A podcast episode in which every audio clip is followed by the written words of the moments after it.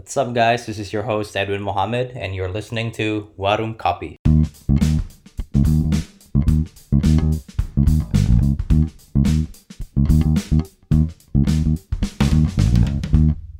Halo, nama saya Prasaja Mukti Aji. Halo Pras, selamat datang di Warung Kopi. Thanks so much for being here. Thanks so much juga udah ngundang gue buat jadi guest di podcast Warung Kopi ini. Senang banget dan such an honor karena gue udah uh, lumayan lama ngikutin perkembangan lu, karir lu, podcastnya juga gue sering banget dengerin dan akhirnya lu ngundang gue buat jadi guest buat ngomongin kerjaan gue. Such an honor sekali lagi. Terima kasih. My pleasure and I'm so happy that podcast ini bisa bermanfaat lah bagi banyak orang juga. Ya, Oke Pras, kalau boleh jujur nih, gue belum pernah ketemu penulis yang bekerja di bank, let alone UX writer. But of course, gue sering melihat billboard yang diiklanin sama bank di mana-mana. Dan pun gue tahu itu pasti ada copywriter di balik pengerjaan itu. Tapi setahu gue itu mostly dikerjain sama advertising agencies, bukan copywriter dari banknya langsung. So, when I found you on LinkedIn, ini karena kita belum pernah ketemu sebelumnya ya. Iya. I was proudly surprised. Karena selama ini bayangan gue ya UX writer itu kerjanya di startups yang berwarna-warni ini, tapi nggak juga ya ternyata. eh, ternyata.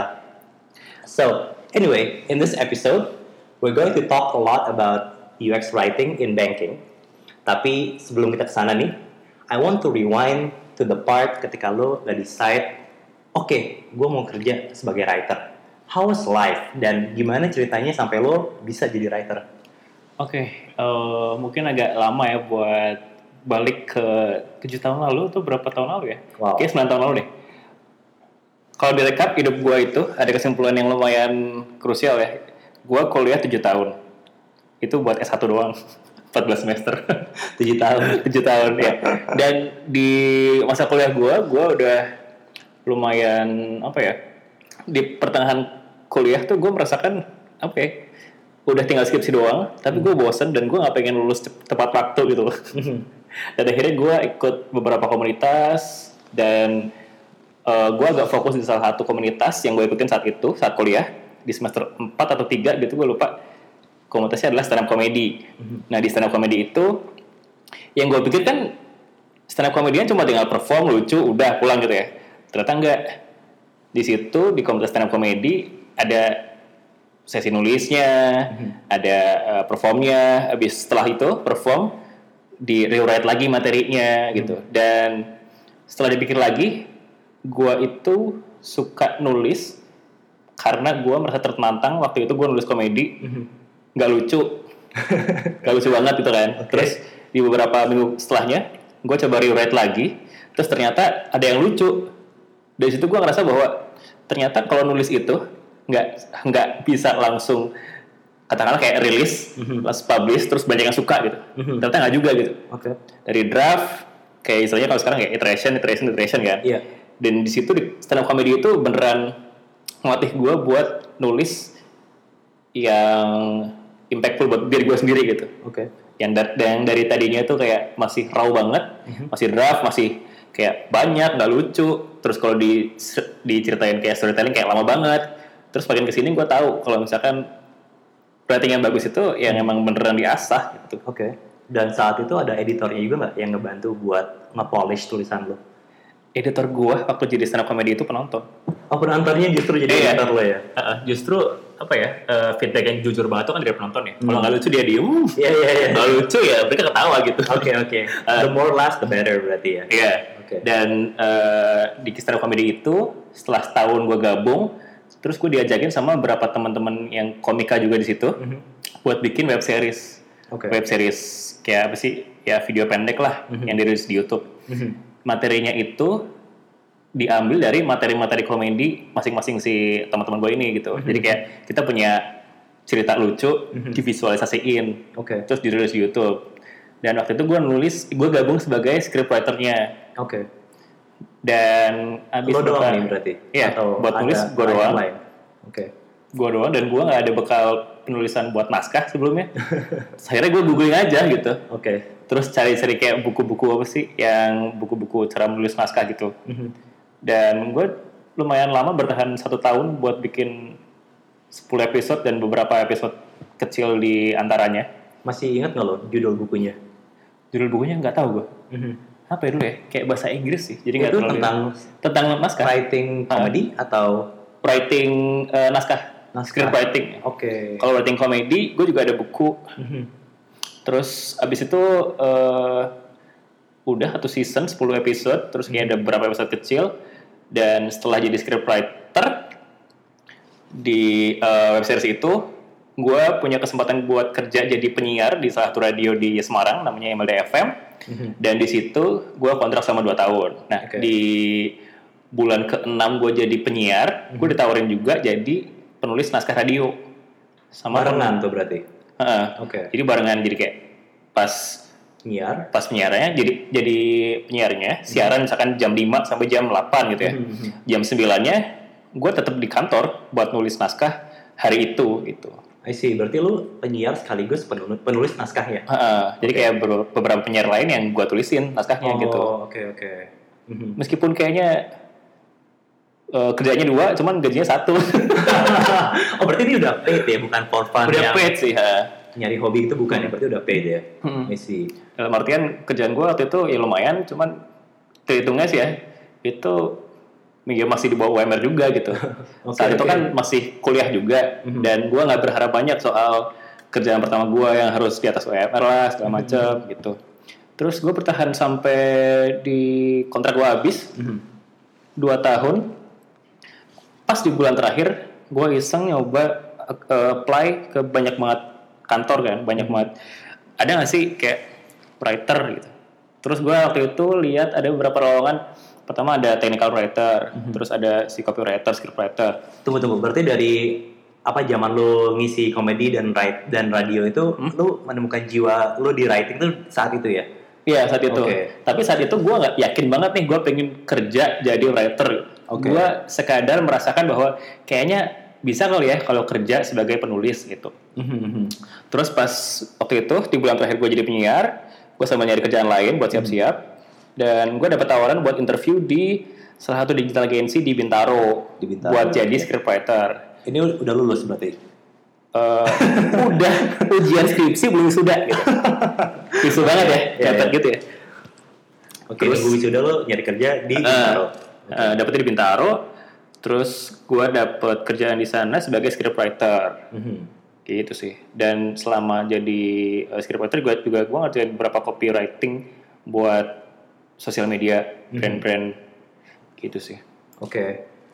Dan script writingnya berarti untuk video kah atau untuk film? video atau- Mhm. untuk video-video web series juga sih di YouTube Mhm. gitu sih cuma gue gak bertahan lama buat jadi scriptwriter di agensi karena ya gue yakin tulisan gue gue ngerasa tulisan gue jelek Saat lo di agensi lu merasa kayak gitu. Heeh. Kenapa apa yang bikin lu nggak yakin nih?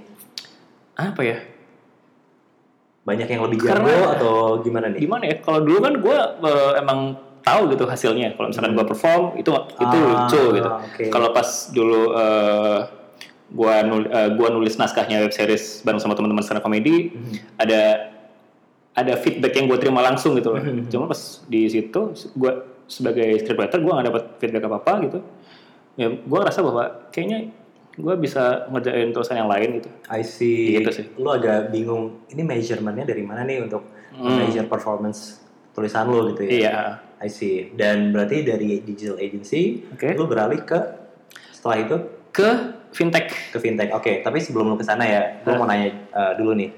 Oke, berhubung lu berangkat dari dunia digital agency sebagai scriptwriter, Hmm. lalu lu pindah ke dunia banking ya, bisa dibilang fintech juga, ya buat jadi UX writer. ya Oke, oh pertama gue di hire sebagai content writer content writer di uh, dunia di fintech. fintech ya Oke. Um, nah, I don't see this every day ya. Orang masuk ke dunia bank tapi jadi writer. So, kenapa? Karena di era yang mana orang-orang mau jadi penulis uh, di major tech companies ya, sebut aja Hmm. kayak kantor gue, Blibli atau Gojek atau Traveloka, Bukalapak dan lain-lainnya. Di saat mereka ke sana, Hmm. kenapa lu milih masuk fintech? Milih ya? Gue sebenarnya nggak milih sih gue menerima gitu. Oke. Oh, lu ditawarin saat itu. Eh, gue ditawarin kan. Kalau yang waktu itu ngomonginnya soal eh, fintech di kantor gue sebelum ini yang di Advance AI itu Hmm.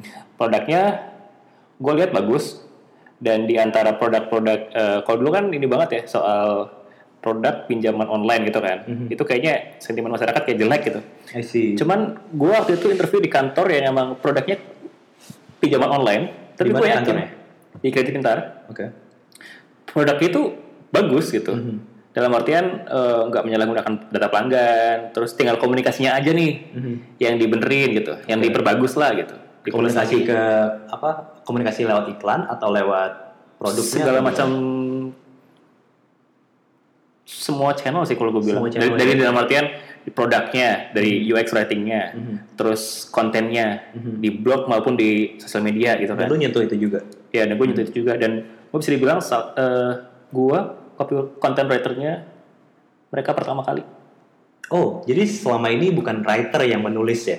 Bukan. Jadi kayak misalkan eh yang nulis soal pentingnya gimana ya? Nabung atau Pentingnya nabung atau apa gitu ya? Oh. Itu tuh kayak dari compliance-nya gitu. I see. Atau dari apa, orang produknya gitu. Oke. Jadi kayak mereka sekadar cari referensi tulisan, Uh-huh. mereka di rewrite ulang dengan bahasa mereka gitu. Yang menurut Hmm. gue itu ya mungkin di fase awal masih bisa kerjain lah. Cuman kalau Hmm. misalkan lu mau scale up, ya lu cari writer yang benar-benar fokus bantu lu buat ngebagusin komunikasi Oke. tulisan gitu sih.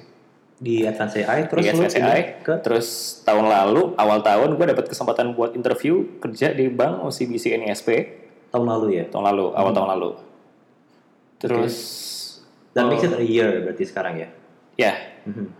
dan apa ya gue ngerasa bahwa gue dulu juga lumayan heran kenapa gue bisa ditawarin interview di banking finance gitu ya Oh justru ini lu nggak lu nggak apply ya? Yang ini juga lu ditawarin.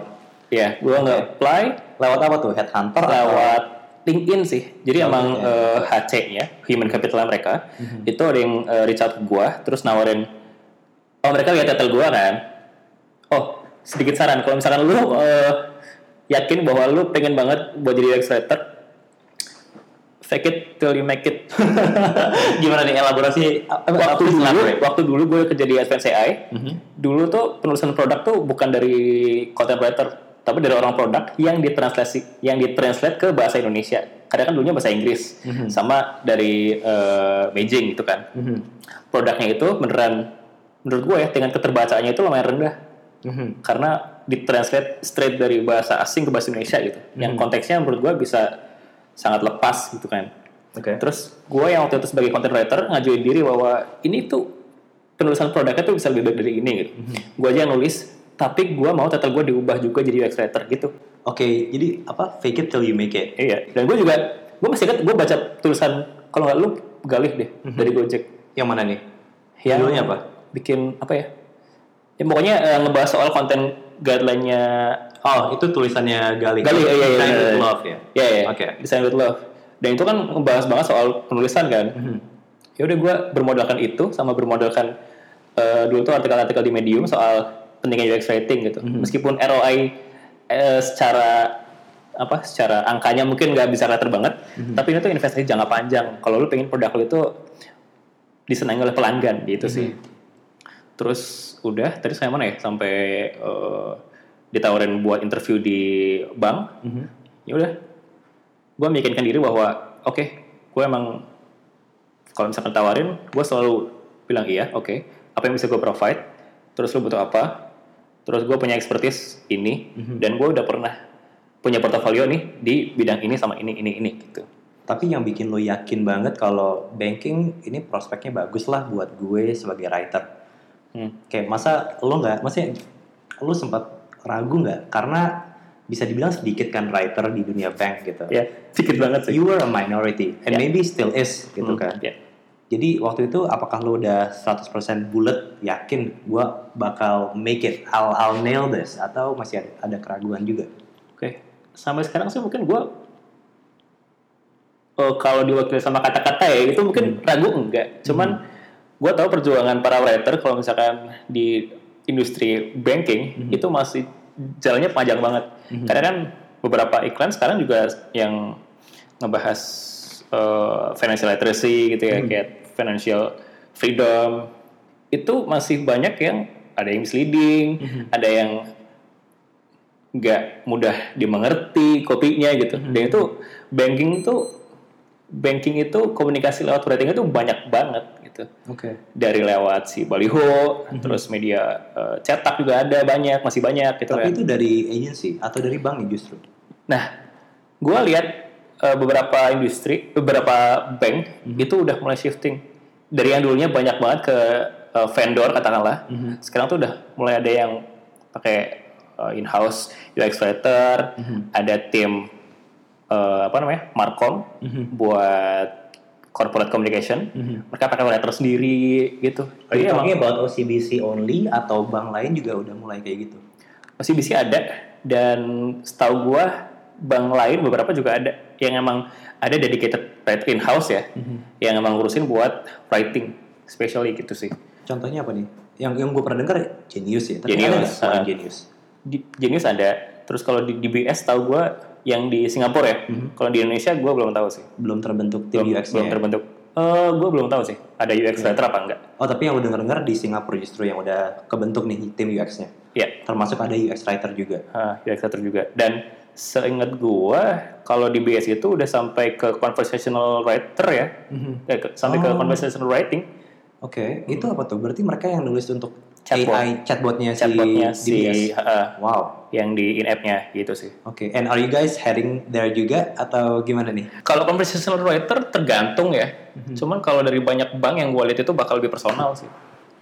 Bakal lebih banyak bikin layanan yang eh gimana ceritanya kalau misalkan personal itu. Oh yeah, what do you mean by by personal? Artinya apa nih? ke depannya gue yakin sih karena kalau bank itu bakal lebih emphasize ke pengelolaan data pelanggan gitu bakal lebih rapi bakal lebih aman secure dan kalau misalkan lu provide banyak data buat bank bank juga bisa eh, nge-provide banyak banget solusi buat lu gitu So you're talking about big data ya, yang Big mereka udah data. punya Uh-uh. dan gimana supaya bisa ngemudahin hidup orang-orang. Mm-mm. karena kan ya sepenglihatan gue ya hampir semua touch point atau milestone hidup itu ada hubungannya sama uang ada hubungannya sama transaksi dan industri yang paling besar ngomongin itu ya bank gitu sih Dan gue harus jadi nasabahnya dulu nggak biar kena cipratan UX atau personal apa bank yang bank OCBC yang menjadi semakin personal ini. kalau pakai produknya iya Oke. cuman mungkin kalau buat ngerasain pengalamannya lu nggak harus sih nggak harus gitu. Oh, tadi ngomongin soal produk juga ya, berarti yang lu bikin ini tuh outputnya dia mediumnya apa aja sih? kalau yang gue bikin ya itu mediumnya ada aplikasi sama website Apa nama aplikasinya? M bankingnya, M bankingnya Ah. berarti ya? Oke. One Mobile. One Tapi Mobile. gue nggak terlalu banyak eh, intas di situ karena di OCBC NSP itu ada dua writer. Mhm. Tapi di Corcom ada lagi corporate communication, Oke, UX writer itu berarti. content writer. Mhm. Tadi kan lu bilang lu nggak terlalu fokus ke ke apa M bankingnya ya. Mhm. Berarti fokus lu lebih ke mananya nih?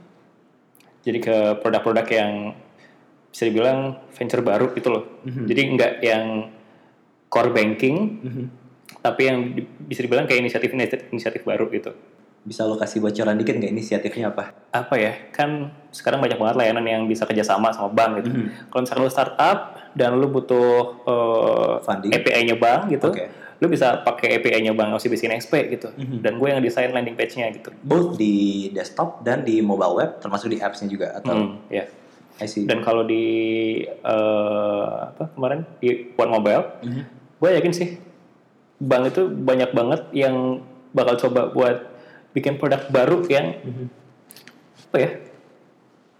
Kayak venture baru kayak misalkan si BTPN kan bikin Genius. Hmm. Kalau si Digibank bikin eh, eh DBS bikin Digi, Digibank, Digibank. ya. eh.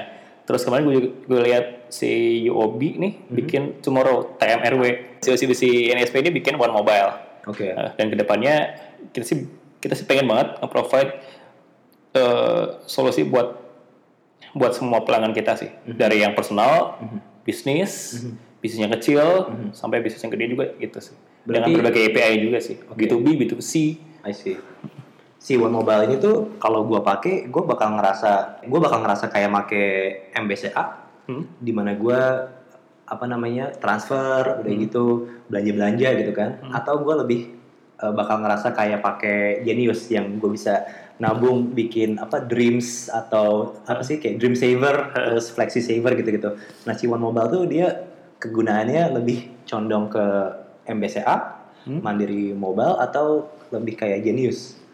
Kalau gue bilang sih pendekatannya emang modern banget ya. Dan itu produknya juga eh, gue ngelihatnya kalau misalnya dibandingin sama BCA mungkin beda main jauh gitu loh dari dari UI-nya dan di produk yang OCBC ini seperti tawarkan tuh kita berusaha buat se sedekat mungkin sama pelanggan gitu. Oke. Hmm. Pelayanannya juga banyak di situ. Dan and all the words yang kita bisa capture dari app-nya itu kerjanya si tim UX writer-nya berarti. Hmm. Oke. Gua gua penasaran nih sama ATM. Oke. Yang bikin tulisan di ATM itu UX writer atau siapa nih? Jadi kalau di UI-nya ATM kan ada dua ya. Hmm. Pertama ada yang product writing Mhm. yang emang apa kayak transfer terus ke mana gitu. Mhm. Gue sih taunya itu dari IT-nya, tim produknya, produk core banking-nya. Oke. Cuman ada pasti ada ini kan tampilan ATM kalau idle nggak ada yang pakai. Iya. Itu kan kayak pamflet kayak e-brochure gitu kan. Iya, Nah, itu iya, gue iklannya yakin gitu. gue yakin masih bikinan agensi sih. Masih Oh. belum ada eh, campur tangan tim UX writer di situ. I see. Tapi scope-nya UX writer berarti belum belum sampai Belum sampai ke situnya. ATM-nya ya. Meskipun gue juga yakin sih, gue pengen banget Gue juga gimana ya, pengen banget rewrite itu gitu. Iya iya iya iya iya. Karena kan kalau yang di tampilan idle itu lumayan apa ya, pack up gitu loh kayak cluttered banget. Dan gue pernah di waktu gue lagi traveling gitu ya di Magelang, bukan di kota gue gitu, gue masukin kartu ATM, gue bingung pakai ATM Mandiri atau BCA gitu. Oh ini bukan OCBC berarti. Bukan sih. Oke. Waktu itu gue bingung, panik. Tampilannya itu tiba-tiba ATM gue nggak bisa keluar. Oke. Terus errornya itu nggak nggak nyuruh gue ke mana-mana gitu, nggak nggak nyuruh gue telepon ke mana gitu. Dan gue Cuman juga kayak flat aja gitu nggak ada aja. nggak ada apa message apa pun. ditunjukinnya eh, transaksi sudah selesai gitu. Wow. Kan itu gue bikin gue panik ya. Iya, amin. Gue juga bakal panik sih kalau kayak gitu. Heeh, Mau nelpon juga bingung. Nomornya berapa? ke mana? Dan penulisan juga lumayan perannya lumayan banyak Mhm. kalau misalkan ada pengalaman-pengalaman yang tidak mengenakan kayak gitu kan. Mhm. Dan setahu gua kalau misalkan ATM lu ketelan ya lu harus lihat di booth ATM itu gitu. Ada Mhm. telepon ke mana. Dan biasanya kan kayak lu harus telepon ke mana itu di mesin ATM-nya gitu, bukan di layarnya. Iya iya iya. Dan bisa aja dihilangin atau bisa dipalsuin gitu. Well, maybe this can be a feedback juga sih buat apa someday if you're having discussions kan Ah. dengan tim bisnisnya atau apa, Ah. like I mean uh, writings di di ATM itu they need to be improved apa over time juga kan, Iya, heeh. especially kalau clutter Ah. kayak dan worst case kalau orang-orang nggak ngerti bahasanya kayak gimana artinya apa. Oke, well to my next question, um, ngomongin soal transisi lo tadi nih from Oke. digital agency ke dunia banking, yang gue dengar-dengar nih bank itu kan kolot, lebih kolot dibandingin dunia startups lah yang gue tahu. Eh, ya. oke oke oke. Patut pada segala aturan, fixed working hours, Hmm. penampilan harus formal, Ya. terus mungkin adanya senioritas dan sebagainya. I mean, were you also shocked that time? Dan gimana cara lo adapt if you were? Oke, gue shock. Eh, mungkin enggak ya, cuma gue insecure sebelum masuk jadi karyawan bank gitu istilahnya. Gue lumayan insecure sama satu hal. Tato gue. Karena kan gue ada tato di beberapa gitu di eh, di bagian tubuh yang visible gitu ya. Aha. Nggak di muka, nggak di muka, nggak di muka, cuman di tangan. Dan gue pertama kali tanya ke HC-nya yang yang undang gue buat interview itu saya bertato loh, nggak apa-apa gitu. Lah dia ketawa, maksudnya gue kan lagi panik nih, insecure gitu ya. Aha. Saya bertato nggak apa-apa. Terus dia ketawa, ya udah datang aja. Di sini juga ada yang bertato gitu. Dan gue abis itu justru merasa bahwa lah, oh ternyata ada yang kayak gini ya, gitu. Oh, lo sampai mikir segitunya bahkan Eh. tato nggak dibolehin ya? Hmm. Terus next kan ini ya, kayak tadi yang diomongin sama lu soal mungkin stereotipnya itu kayak bank tuh korporat banget, kolot gitu. Penampilan juga harus. Penampilan juga harus kayak apa sih pakai kemeja rapi, dasi segala macem gitu, pakai pantofel, Padahal? celana kain, padahal padahal Nggak itu ada, ya? itu ada. Cuman dari yang eh, sepengalaman gua, bank wide itu kulturnya lumayan diverse. Dan gue ngerasain kultur kayak gitu ada, cuma nggak nggak divisi gue, nggak di divisi gue. Gitu. Oh jadi di divisi lu penampilannya kayak gimana nih orang-orangnya? Casual, beneran eh, kayak orang-orang startup sih, gue bilang. Se-casual pakai kaos, Pakai kaos jeans. ya bisa, tapi nggak nggak harus kayak nggak tiap minggu semuanya apa tiap hari pakai kaos enggak gitu. Tiap Selasa harus ada eh, pakai batik, rapi, terus pakai celana kain, terus Oke. pakai pantofel, eh, nggak pantofel sih, pakai eh, sneakers yang penting hitam gitu. Oh sneakers berarti boleh nih? Eh, eh, kayak gue pakai hitam. Lu mau pakai Stan Smith yang hitam boleh gitu. Air Jordan. Air Jordan ada yang Hitam. hitam ya? Ada, ada sih yang itu ya. Boleh tapi? Boleh boleh. Oke. Terus Tapi di hari-hari biasa selain Selasa Hari-hari biasa santai aja nggak apa-apa. boleh pakai sendal. Nggak boleh pakai sendal. Oke. Pakai oh, sepatu. jadi masih proper ya. Masih Cuman proper, eh. Properly casual. Eh. Oke, I see. Yang penting nggak itu sih. Yang nggak pakai singlet lah. Sama celana pendek atau hot pants. Jangan. ngomongin soal apa namanya culture-nya berarti ya. Iya. eh, fasilitas yang disediain itu apa? Karena di startup lain kan mulai ada gym. Gimana ya? Yang tadi yang gue bilang soal uh, kultural lumayan diverse, Mhm. tapi kita punya satu mindset gitu. Kita gimana caranya bikin menyediakan service yang top notch buat pelanggan. Dan yang gue bilang tadi soal kultur itu berbagai macam ya. Ada eh, ruangan kantor yang semi cubicle. Jadi guys, kubikelnya nggak tinggi banget, tapi kalau misalnya duduk ya sekepala lo lah. Jadi kayak lo nggak bisa lihat Orang depan. eh, seberang lo, tapi lo masih bisa kayak berdiri dikit ngomong gitu. Oke. Hmm. Dan menurut gue itu yang paling nyaman sih buat kerja. Terus di divisi gue itu eh, beneran kayak startup. Mhm. Jadi kayak ada kursi bar, mejanya tinggi, Bukan ada juga yang cubicle berarti. nggak kubikel, nggak cubicle, terus kayak benar benar open space, Mhm. ada beanbag juga gitu sih, sama ada quote quote ya kekinian lah gitu. Iya, iya. Eh, A- Apa nih quote-nya di OCBC? quote yang di dindingnya OCBC.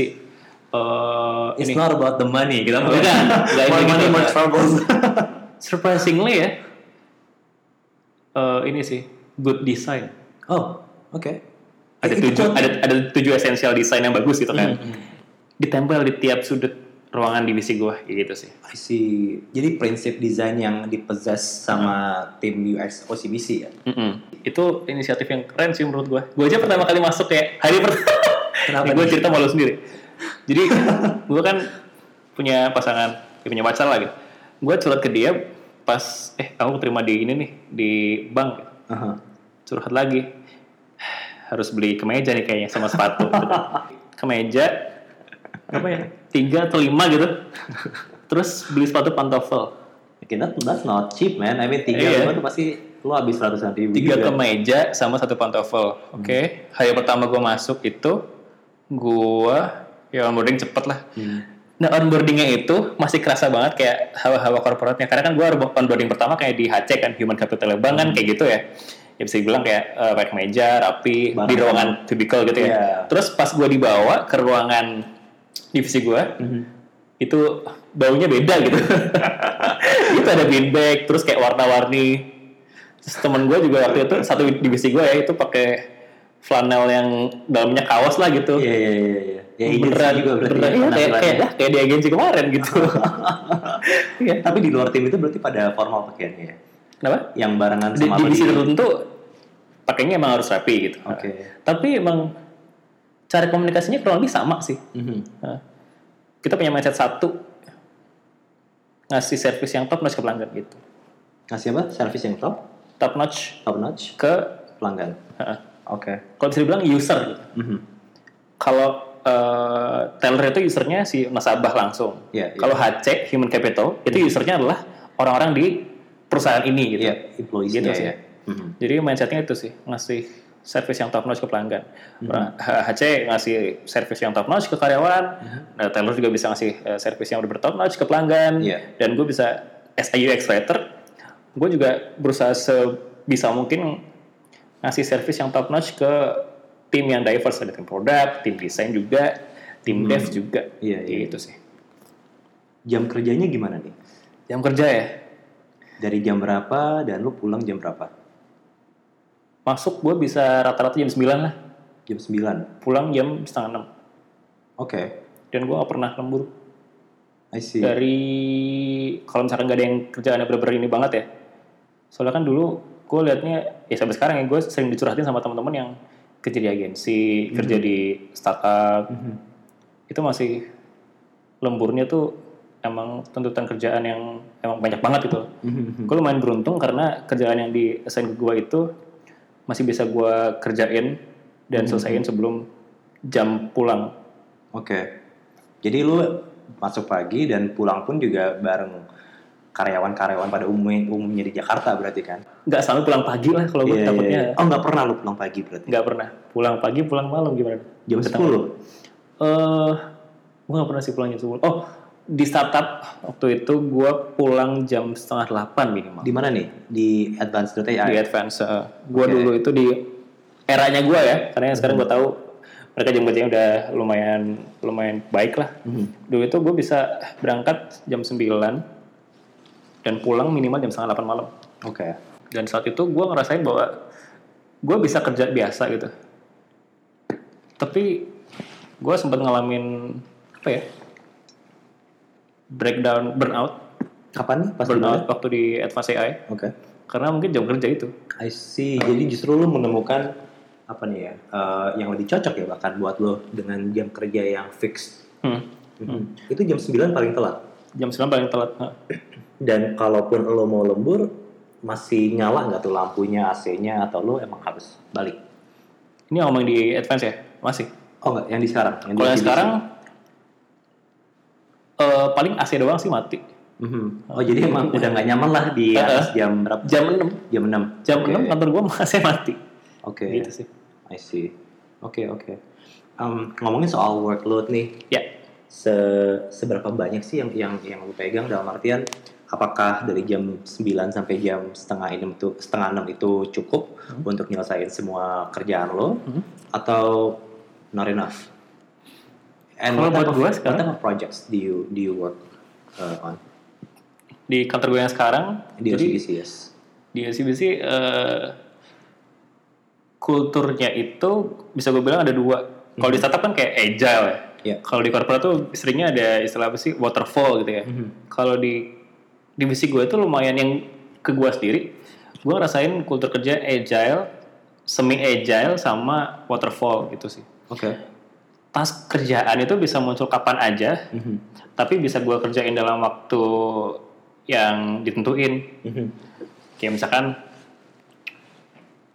masa kerja gua itu buat satu task yang gede banget itu bisa sampai dua minggu. Itu masih gue bisa kerjain selesai di jam 5 tiap harinya gitu. Jadi kayak misalkan eh, rekap konten yang loadnya itu dua minggu, Rekap tuh audit berarti. rekap audit. Nah, Kayak misalkan ada juga kayak nulis meta description, gua ngecek juga, itu kan. Itu bisa gua kerjain tiap hari dan nggak sampai lembur sih. Dulu pernah sekali dua kali soal mau rilis produk, terus kayak pas hari H itu ada beberapa revisi, rewrite di release notes-nya. Itu emang harus di hari itu juga gitu. Oh, lu fokus ke release notes yang di What's New juga tuh berarti? Watch you juga. Oh, nice. Terus gue waktu itu ngerjain lumayan cepet dan meskipun agak lembur dikit, tapi nggak lembur yang sampai jam 10 sampai jam 11 malam gitu sih. Berarti in average waktu ber- berapa hari nih yang yang yang biasanya lo habisin buat ngerjain buat nyelesain semua kerjaan lo? I mean, two days is normally enough atau justru semua kerjaan selesai dalam sehari? Satu minggu, Satu minggu. satu bahkan? minggu sih. Nah, karena kan di tim gue itu sistemnya apa ya kayak buka tutup buka tutup kerjaan itu loh. Kayak misalkan assignment minggu ini udah penuh. Kalau misalkan lo mau assign lagi load kerjaan ke gue minggu depan ya gitu sih. Oh, oke oke. Dan untungnya sih tim produk sama tim dev bisa saling ngertiin satu sama lain ya. That sounds healthy sih. Maksudnya gue soalnya banyak dengar dari perusahaan-perusahaan lain Hmm. kalau enggak ini harus di push juga nih gitu. Misalkan udah Aduh. penuh minggu ini, tetap aja kalau ada stakeholder penting dan produknya penting ya mau nggak mau harus di push di minggu yang sama. Tapi di tempat lo case-nya beda berarti ya. Semuanya understanding dan Di divisi gua ya lumayan karena nggak tahu ya mungkin mindsetnya udah sama bareng gitu. Soal product thinking oke nggak melulu soal rilis tanggal berapanya gitu, oke. tapi lebih ke outputnya apa dan emang kalau udah harus rilis emang ini yang udah quality-nya udah oke belum nih gitu sih. Oke. Dan dalam seminggu itu lo meeting berapa kali nih yang rutin? Jadi kan gue ada handle beberapa produk ya. Sekarang yang aktif banget tuh ada lima. Dan gue bisa Eh, lu bisa ceritain nggak sedikit singkat aja lima produk itu tuh apa sih? dengan produk itu ya yang gue bilang tadi. Jadi kalau misalkan di bank itu ada dua hal, ada core banking, ke produk-produk yang inti banget di bank, kayak misalkan KPR, KTA, Oke. terus kayak pinjaman bisnis gitu. Kalau gue tuh ngerjain hal-hal yang lebih ke inisiatif barunya kayak tadi yang layanan API, terus penawaran baru, jadi kayak bisnis, tapi semua aksesnya bisa diakses lewat digital gitu. Oke. Itu seminggu minimal satu kali meeting, Satu kali meeting. satu kali meeting itu aja. rutin. Rutin. Maksudnya di samping itu pun juga ada yang agile meeting kan? Eh maksudnya meeting yang dadakan gitu ada juga nggak? Gak ada. Oke. Gue baru ngerasain meeting tuh tiap meeting itu harus lewat eh, lewat kalender. Itu di kantor sekarang sih di bank ini. Dan meeting itu yang ketemu langsung atau video call atau gimana? Meeting ketemu langsung. Kebanyakan sih ketemu langsung ya. Nah, Yang kadang kan video call juga ada nggak di samping di video satu call meeting gitu? nggak ada. Oke. Kalau di startup dulu kayak emang seringnya di video call. Iya, Kadang kan iya, iya. kantor pusat ada yang di Singapura, di Beijing. Mhm.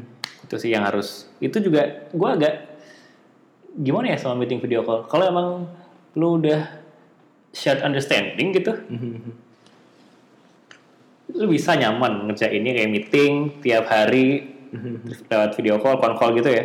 Cuman kalau misalkan agak susah komunikasinya, terus zona waktu juga beda gitu. Mungkin meetingnya jadi nggak efektif gitu sih. Oke. How do you even combine UX with banking? Hmm. By that I mean di OCBC struktur tim UX-nya kayak gimana sih? Dan biasanya tuh cara kalian berkolaborasi nih gimana? I mean, do you collaborate a lot with uh, UX designers misalkan atau sama researchers juga? Gimana ya di sana ya? Kalau di eh, kantor gue sekarang ada UX researcher, UX designer, sama UX writer. Timnya ini lumayan eh, lumayan nyebar dan ngerjain timnya, ngerjain produknya itu lumayan beda-beda. Tapi ada satu timeline yang bisa dibilang kayak yang ini kita ketemu gitu. Kalau misalkan dari inisiat inisiatif awalnya dari tim UX researcher itu beneran ngumpulin data, riset, interview, buat validasi kan. Habis itu sama tim produk ngomongin soal ini ini punya potensi soal produk gitu. Kayak misalkan bisa dibikin dalam waktu segini gitu. Ya udah.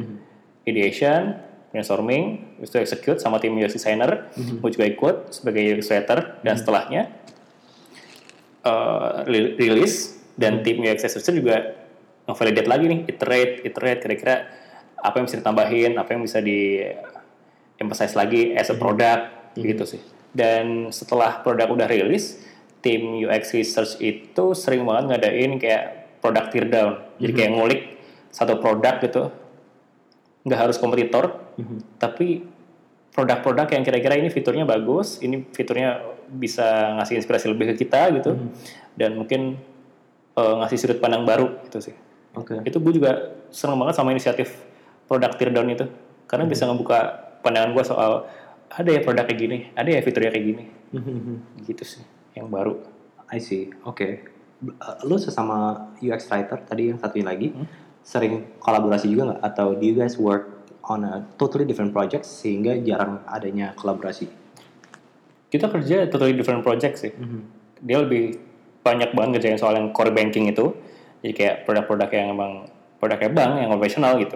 Tapi kalau sama UX designer dan lain-lainnya lo sering ke Iya. mejanya dan ngelihat lagi ngerjain apa nih dan gimana cara lo bisa ngebantu dia dan sebaliknya ya? Ya, kalau sama UX designer gue juga lebih lebih sering apa ya ngobrol, Oke. terus eh, bantuin project lainnya gitu kan. Soalnya kan nggak cuma ngerjain katakanlah yang main itu tiga produk gitu, duanya itu inisiatif gue mau bantuin siapa gitu sih. Oke, I think I'm with you sih soal meeting yang jangan terlalu banyak, tapi banyakin di kolaborasinya gitu kan? Iya, meeting itu gimana ya? Soal meeting itu penting-penting nggak penting. Iya. Kalau buat gue nggak penting nggak penting apa ya?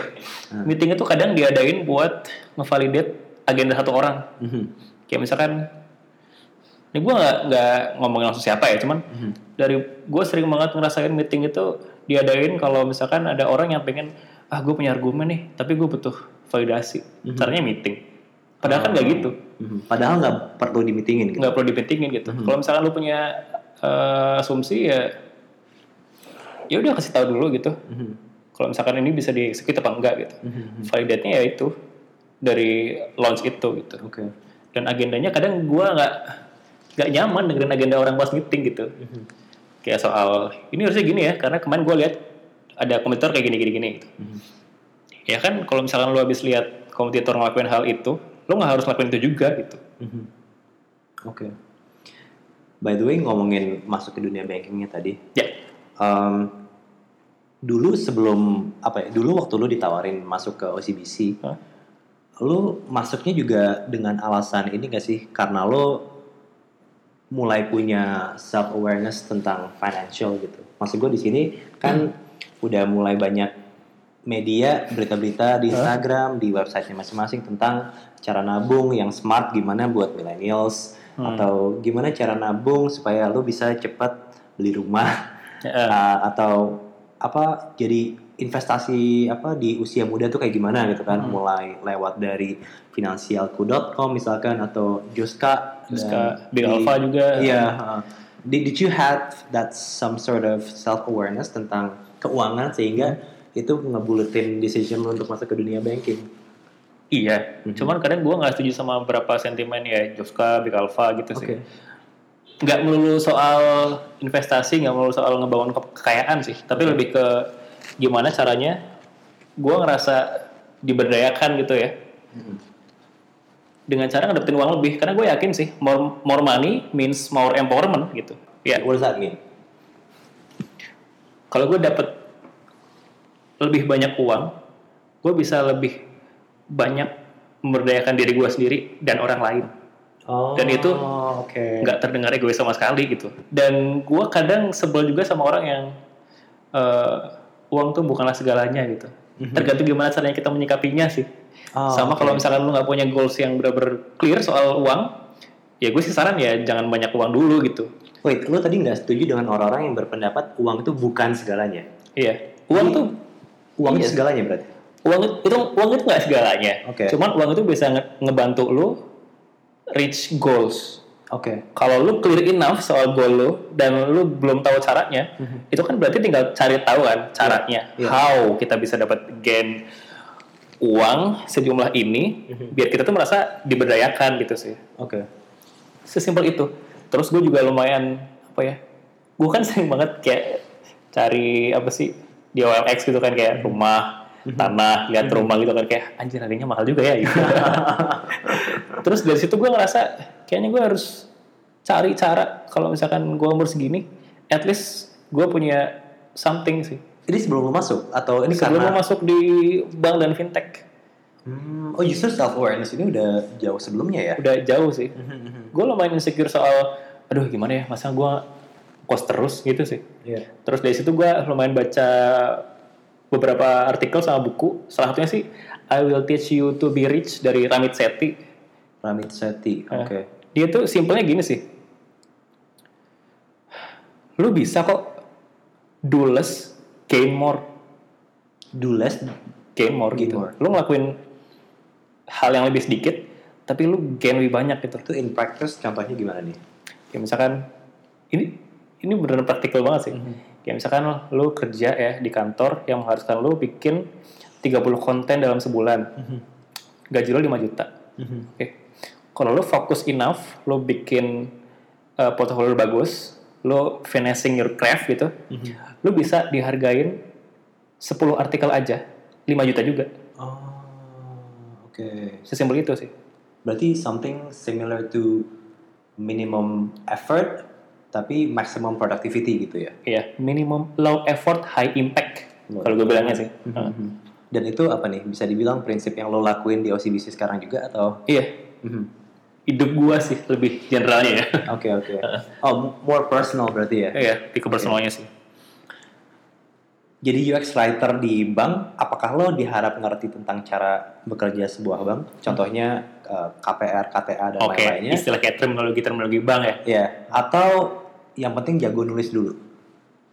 Oke, gua itu dulu di hire dari jalur pro hire. Mhm. Jadi kalau misalkan ada Pro hire tuh bedanya sama di approach sama headhunter tuh apa sih?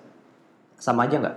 kurang lebih sama sih. Oke. Tapi dari ini ya dari eh dari title-nya mungkin ya sama dari apa sih istilahnya tuh spesialisasinya mungkin. Oke. Kayak misalkan gue as a UX writer gitu, Mhm. gue di hire as a writer Oke. gitu sih, pro hire dan Oke. fokus. Mhm. Kalau di beberapa company kan ada istilahnya manajemen trainee kan, Iya. yang kayak dia ngelatih buat yang penting dia jadi manajer nantinya gitu. Dan lu masuk OCBC sebagai MT kah atau gimana nih? Gue karena gue di hire sebagai pro hire, Mhm. gue langsung masuk sebagai UX writer dan gue Oh. karir gue ya di writing ini gitu. Oh jadi lu ngelompat apa masa-masa MT itu yang biasanya orang lain pada harus ikut? Hmm, iya. Oke. Itu Oke. sih. Gue ngerasa jalur pro hire ini yang mungkin eh, lo para pendengar podcast ini ya Mhm. mungkin bisa jadi pertimbangan khusus gitu. Kayak misalkan lo pengen banget kerja sebagai UX writer atau misalkan lo pengen banget kerja sebagai UX designer gitu. Mhm. Lo nggak usah fokus apply banyak banget posisi gitu. Why not? If you are an opportunist, apa opportunist gitu, lu melihat segala hal, lu bisa nih, gue bakal apply, apply, apply. Why Gue not? gue bisa bilang kalau lo fokus ke finishing your craft dulu Mhm. dan lo publish itu. Oke. Misalkan ke LinkedIn ya. Terus lu sering banget discuss sama orang. Mhm. Kalau misalkan lu agak kurang setuju sama poin orang soal desain yang bagus kayak gini gini gini gini, terus lu punya pengalaman atau misalkan lu anekdot gitu ya. Lu tinggal eh, jam jamin discussion aja gitu. Mhm. Banyak orang yang lihat bahwa lu tuh nggak nggak selalu setuju sama orang, tapi lu juga punya eh, lu juga ngebawa value di sudut pandang diskusi itu gitu. Orang justru makin tertarik sama lu dan akhirnya dia at least lihat profil lu gitu. Masalah dia mau connect apa enggak, masalah dia mau nawarin kerjaan apa enggak, itu nanti dulu sih. Yang penting lu dikenal sebagai orang yang punya eh, spesialisasi tertentu dan pada akhirnya lu bakal tawarin jadi something gitu lewat jalur pro hire itu sih. Oke. Yang gue bilang tadi soal low effort high impact. Mhm. Dan balik lagi ke tadi, berarti lo harus jago nulis dulu kah? Atau gimana nih? gue justru ngerasa tulisan gue biasa aja tapi gimana gue mengkomunikasikan itu sebagai gue gue punya expertise ini gitu kalau misalkan gue bisa bantu lo I'm glad to do it gitu sih Oke. Dan kayaknya gue yakin pun dari dari rekruternya saat itu ya berarti dia melihat tulisan lu kan, bukan Ya, mungkin sejauh ya. mana pengetahuan lu tentang dunia banking. Iya, gitu ya. ha. I see.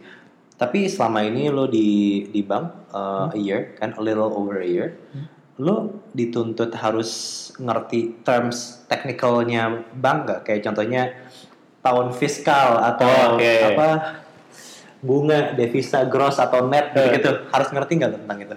enggak sih Oh, Dan- surprisingly no. enggak sih Oke. dan itu tadi kayak gue pertama kali karena gue ini ya karena gue masih lumayan ignorant soal finance saat itu ya Ah, gue satu bulan dua bulan pertama kerja di bank ya gue habisin buat baca-baca berbagai terminologi banking gitu dan sampai sekarang pun masih banyak yang gue nggak tahu Tapi that, that was driven by by by yourself gitu kan? Nah, dan untungnya para stakeholder yang selama ini eh, kerjasama sama gue mereka tuh terbuka open banget soal komunikasi diskus juga nyaman gitu ya dan kebanyakan juga writing yang gue tulis itu lewat proses pair writing gitu kayak kita pairing kayak berdua atau misalkan bertiga gitu ya sama stakeholder Stakeholder siapa nih?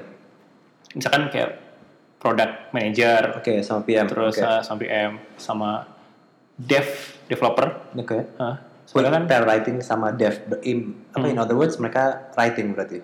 Oh enggak, kayak misalkan mereka ada istilah kalau misalkan usernya kayak gini di screen kayak gini, gimana ya kontennya gitu-gitu. Oh, oh, so some sort of brainstorm bareng mereka ya. Biasa bareng. Nah, Dan itu tadi kayak gue tidak nyaman dengan meeting banyak karena itu memutus jalur komunikasi gitu kan. Itu tadi sih gue nyamannya adalah mereka terbuka banget soal kalau misalkan gue nggak tahu ya, mereka bener beneran kayak nurturing gue buat mahamin konteks ini tuh apa gitu. Uh, iya. Konteks kayak misalkan tahun fiskal gitu tadi Iya. ya. atau mungkin uh, KPR gitu. Karena gue yakin sih di bank itu banyak banget produk yang bagus yang bisa nge- nge-solve banyak problem orang gitu, banyak problem masyarakat gitu. Tapi mungkin produknya itu udah intimidatif duluan ya dari dari kopinya, dari tulisannya. itu sih tantangan buat para writer Oke. So maybe um, ini khususnya buat buat mereka yang belum masuk dunia banking ya. oke Especially fresh graduates. Berarti ini Iya. ini titipan apa ya? Bukan titipan. Ini um, insights lah buat mereka Hmm. kalau mau masuk dunia banking. uh, it's normal kalau lo belum mengerti tentang cara bekerja sebuah bank ya. Mm-mm. Tapi Iya. yang penting lo asah dulu menulis lo dan Hmm. bagusin portfolio itu dan itu sebenarnya udah cukup ya buat masuk sebagai UX writer karena lo nggak di nggak- lo nggak diminta untuk ngerti banget tentang dunia banking dulu kan Iya. sebelum masuk oke dan di buat beberapa bank ya beberapa corporate kan biasanya ada training kan ya in-house training soal oh iya mungkin iya iya how banks works, Iya, iya, terus iya. how communication uh, delivered here gitu-gitu. Dan lu bisa uh, berharap dari situ gitu, Mhm. buat ngasah keterampilan lu di industri tertentu gitu sih. Sama jangan takut buat mulai duluan sih. Sama kan mungkin justru lu nggak nggak harus masuk ke bank dulu gitu. Lu fokus nulis soal pentingnya pentingnya financial literacy, pentingnya gimana cara nabung buat uh, ngedapetin financial freedom di umur segini gitu. Kalau misalnya ada bank yang tertarik, pasti mereka bakal nawarin ke lu gitu. oke sehari-hari lu pakai tools apa aja nih di kantor tools buat chatting Tools, oke. uh, project management buat tulis Kalau chat, gue pakai Slack ya, kayak banyak startup tuh. Terus kalau buat gue nyimpen copy documentation, gue pakai Notion. Notion itu semacam all-in-one workplace tools. wow Eh, ya itu sih yang gue alamin. gue pernah pakai Trello juga, terus gue shifting ke Notion. Semua kerjaan gue tuh jadi seamless banget. Wait, so you tried Trello sebelumnya Iya. sekarang lu pindah ke Notion dan hasilnya lebih bagus Iya. Oke, karena di tempat gue sekarang masih pakai Trello. So what's Oh. the difference between Trello dan Notion? Notion tuh versatile banget dalam artian kalau Trello itu hanya sekadar kayak Kanban terus yang tampilannya bisa apa sih Cards per cards. cards gitu kan. Di Notion lo bisa ada kalendernya, bisa bikin plan, ada tabelnya. Jadi kalau misalkan lo mau nyimpen data yang CSV atau apa bisa diimport ke situ. Lebih rich feature-nya uh, ya. Lu juga bisa nulis blog di Notion dan lu export as a Markdown HTML. Itu gila sih. Gue ngerti itu ya gimana bikin produknya editionnya. editionnya. Berarti ini bisa versatile banget ya. Trello nikah bareng Google Calendar. Google Google, Google Drive. Google Drive. Semua, hampir semua produk yang di Google Drive tuh ada sih Google. Terus poligami bareng Medium. Iya, gitu. Iya. Beberapa orang juga ngerilis ngerilis blognya tuh di Notion. Beneran Oke. lu kalau mau baca tulisan gua soal ini, ke Notion gua gitu. Tapi bisa integrate sama Medium nggak? Eh, bisa, Bisa. bisa, Oke, berarti lu publish di Notion pun keluar di Medium ya? bisa juga. Oke, kalau buat oke chatting tadi pakai Slack ya? Eh, terus ada juga eh, pakai Outlook email buat Buat buka email email. email Microsoft ini ya, email corporate ya. Mhm. Terus juga itu nanggung banget ya sih tapi pakai Slack yang udah bagus UI-nya gue personally nggak begitu suka Outlook soalnya kalau buat email kenapa nggak pakai Gmail oh, Outlook itu karena karena di corporate ya. Ada beberapa eh, pengumuman-pengumuman soal itu tadi corporate communication itu masuknya ke Outlook. Terus kalau misalkan invitation meeting atau misalkan undangan apa gitu itu lewat Outlook. Dan kalau Gmail ya nggak kepake sih. Terus WhatsApp itu paling penting karena buat ngasih selamat ulang tahun sama pengumuman. kan biasa gitu ya di grup. Halo guys, selamat ulang tahun buat ini gitu. Eh, atau yang yang mau punya anak nih ya iya. Terus foto apa gitu. Yang seru-seru. receh-receh nggak sih tuh anak-anak di tim UX-nya OCBC Gimana ya? Gue sampai sekarang masih bangga dengan kemampuan dad jokes gue. eh tapi rata-rata udah berkeluarga di sana atau belum Kalau di tim gue belum sih. ah oke Desainernya yang berkeluarga berapa ya? Dua sih gue. Jadi gue kan paling ini banget sama dua desainer yang di divisi gue. Paling dekat sama mereka karena emang kibintas sama mereka tiap produk gitu kan. Yang satu eh, cowok cewek. Mereka mindsetnya sama sih soal bikin produk yang bagus, nggak nggak sering meeting. Tapi gimana caranya produksi, deliver, udah gitu. oke tes jokesnya juga gue rasa yang bikin gue kaget sih soalnya gue udah bersiap-siap nih Heeh. aduh gue kerja di corporate gue Iya. siap-siap deh jokesnya kayak jokes bapak bapak ternyata nggak juga gitu meskipun Iya, ada iya. dead jokes cuman yang itu tuh bisa dibilang dead jokes yang bisa dinikmati dan nggak menjatuhkan gitu Oke, berarti nggak nggak bukan dead jokes ya, masih yang emang jokes Dead jokes. kekinian ya. Eh, Oke. lumayan lah Let's talk about the future of UX di dunia bank ya. Hmm. Gimana sih cara lo nge-envision UX uh, di dunia bank ini?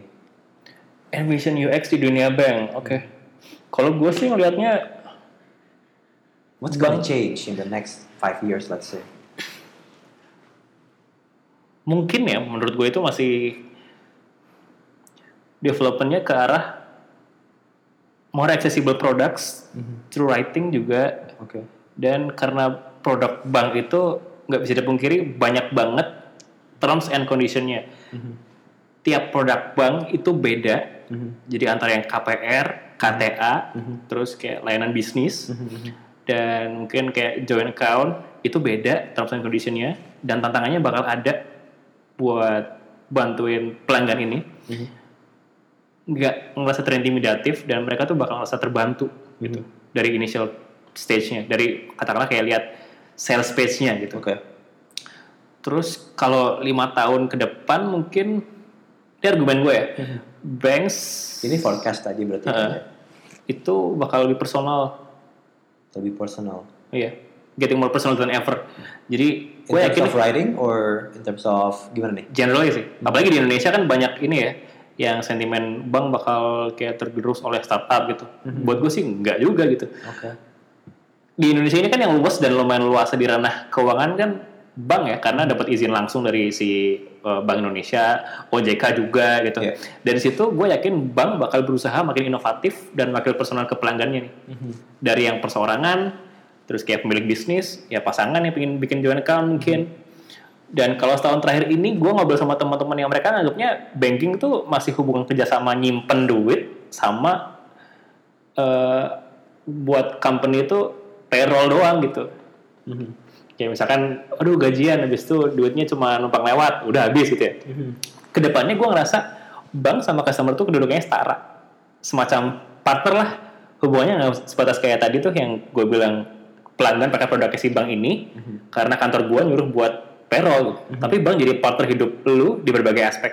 Kayak misalkan nih, lu lagi ada eh, masa-masa habis kuliah, dapat kerjaan pertama, terus lu nggak tahu harus ngapain soal uang nih. Nah, bank bakal ada produk yang mungkin bisa menyarankan financial strategi lu ke depannya gimana. Oke. Based on data yang lu kasih gitu. Kayak misalkan kondisi gue habis lulus kuliah, kerja di kota mana nih yang UMR segini gitu.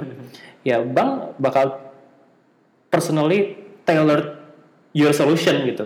Jadi So, kayak Oke, so what you're saying adalah ketika lo sebut personal tadi bisa akan menjadi sahabatnya nih ya para Mm-mm. uh, orang-orang yang let's say butuh financial advice, Hmm. cara nabung, cara ya apa pun lah Uh-uh. gitu.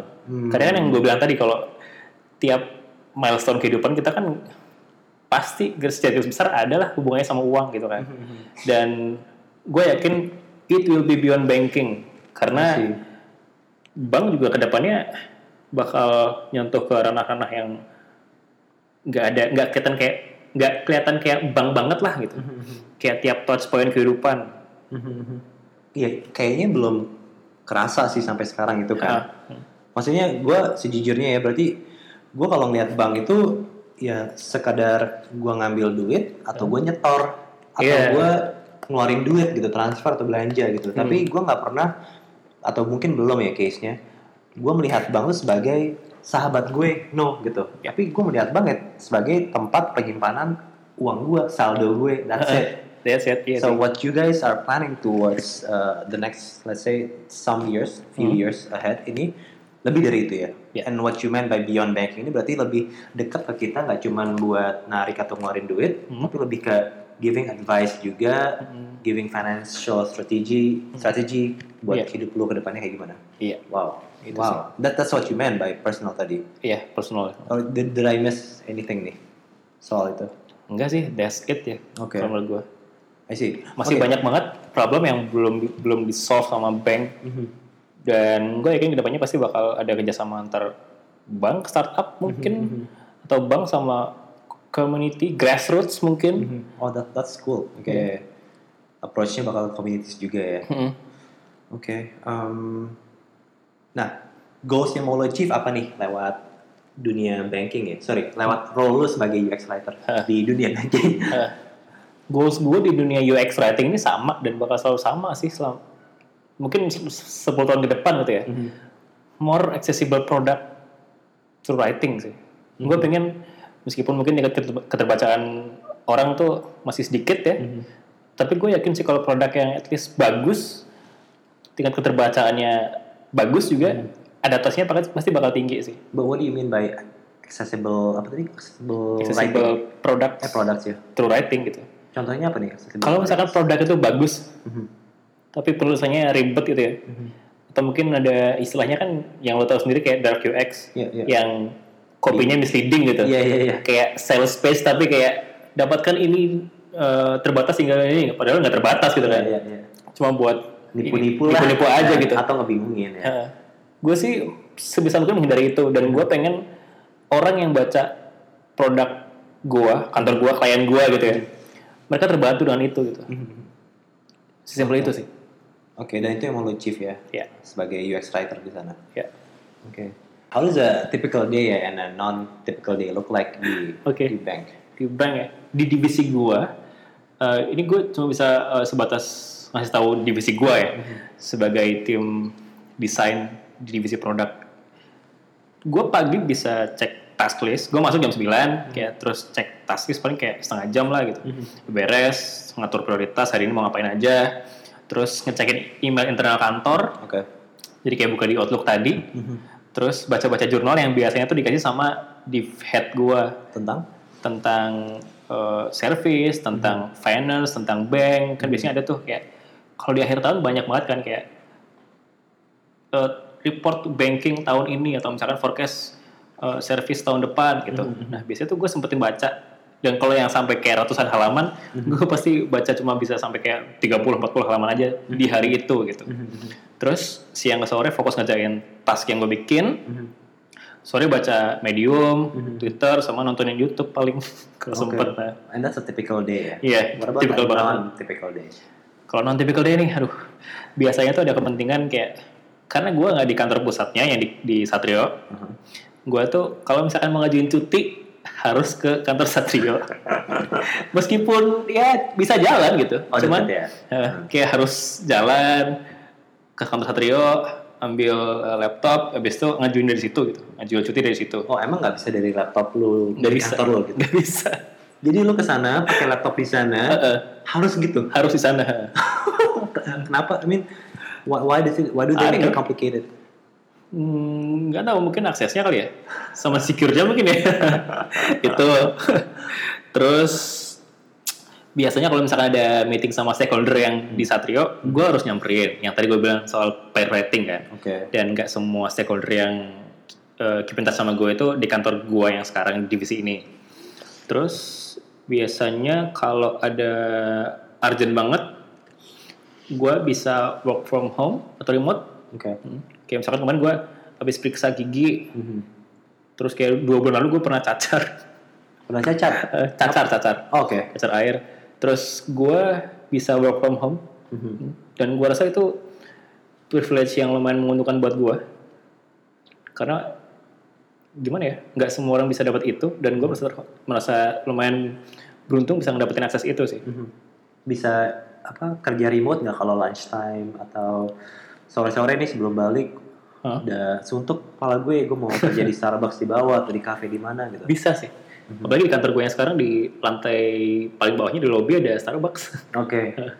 Boleh tuh berarti ya turun lu Boleh turun, ya. Oke. Berarti bayangan bank yang super apa ya? Super tight gitu ya. Super tight gitu. Eh. Formal udah gitu everything tuh emang ada aturannya gitu. Hmm. Nggak kayak gitu dong ya. I mean at least di tim UX sih nggak kayak gitu ya. di tim gue enggak dan mungkin kalau forecast gue juga nih kayak misalkan UX writer itu kan role yang di Indonesia ini baru ya relatif baru lah ya kayak berapa tahun gitu ya. Ke depannya juga pasti ada role-role baru yang tercipta gitu, di berbagai industri gitu. Dan mau nggak mau company juga menyediakan kultur dan fasilitas yang berbeda pula gitu. Kalau misalkan lu nyaman sebagai orang yang kerja di korporat dengan cubicle kaku, ya ada judge gitu. Tapi kalau misalkan lu lebih nyaman sama pola kerja yang agile, yang startup banget gitu, ya do your research dulu gitu.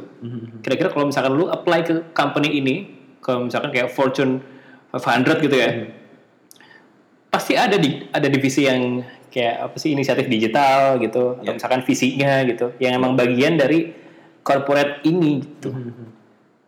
Tergantung sih tergantung selera lu juga. Dan gua kebetulan banget dapetnya di eh, divisi yang bisa mengakomodir kultur yang menurut gua tuh nyaman banget di gua gitu. Nggak super tight banget yang gua bayangin juga sebelumnya. Ya, ya. Dan itu kayaknya bakal bikin banyak orang surprised in a, so many in so many good ways sih menurut gue ya. ya for Yang sure ya Tadinya hesitating buat masuk bank, sekarang ya mereka bisa lebih ngebayangin lah, oh ternyata nggak kayak gitu. Iya. Oke. Pras, eh, nggak kerasa nih udah satu jam. udah satu jam ya berapa sih Jam satu jam. Satu jam, delapan menit. 8 menit. You're going 9 minutes gitu. Wow, eh, banyak banget insights yang gue dapetin ya dan gue yakin banyak orang lain yang bakal ngerasa hal yang sama. Especially this is something rare for many of us. Um, tapi ternyata ya we were wrong maybe.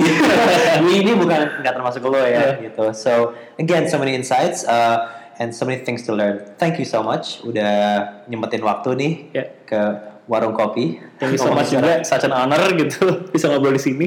My pleasure, my pleasure. Uh, for those of of of apa, mereka-mereka ini yang mau yang mau reach out ke lo, if they have any questions, how they how do they reach you? gue bisa ditemui ditemui di berbagai platform sosial media di Twitter eh, handle gue @orepras o r e p r a s Instagram juga sama orepras di LinkedIn eh, ketik aja nama gue Prasaja Mukti Oke. terus Medium juga sama @orepras Facebook jangan karena tidak menghargai privasi apalagi ya Oke, tapi yang paling aktif di mana? Twitter sih Di Twitter. Oke. Oh, di, aktifnya di Twitter bahkan ya? Twitter Bukan- ya? Bukan Instagram. Oh, enggak deh Oke.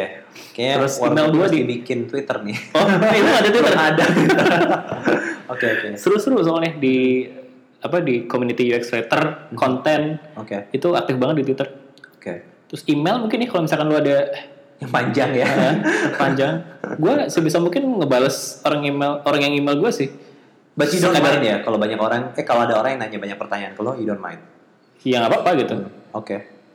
ke email gue di prasaja.ma at gmail.com Oke, great. Again, thanks so much, Pras. ya I'm your host, Edwin Mohammed, and this is my guest. Prasaja mukti bye See you again next time. Bye. That was Prasaja Mukti, UX writer at OCBC NESP. Thanks for tuning in to Warung Copy. Don't forget to follow us on Instagram at warung.copy. I'll see you again next time.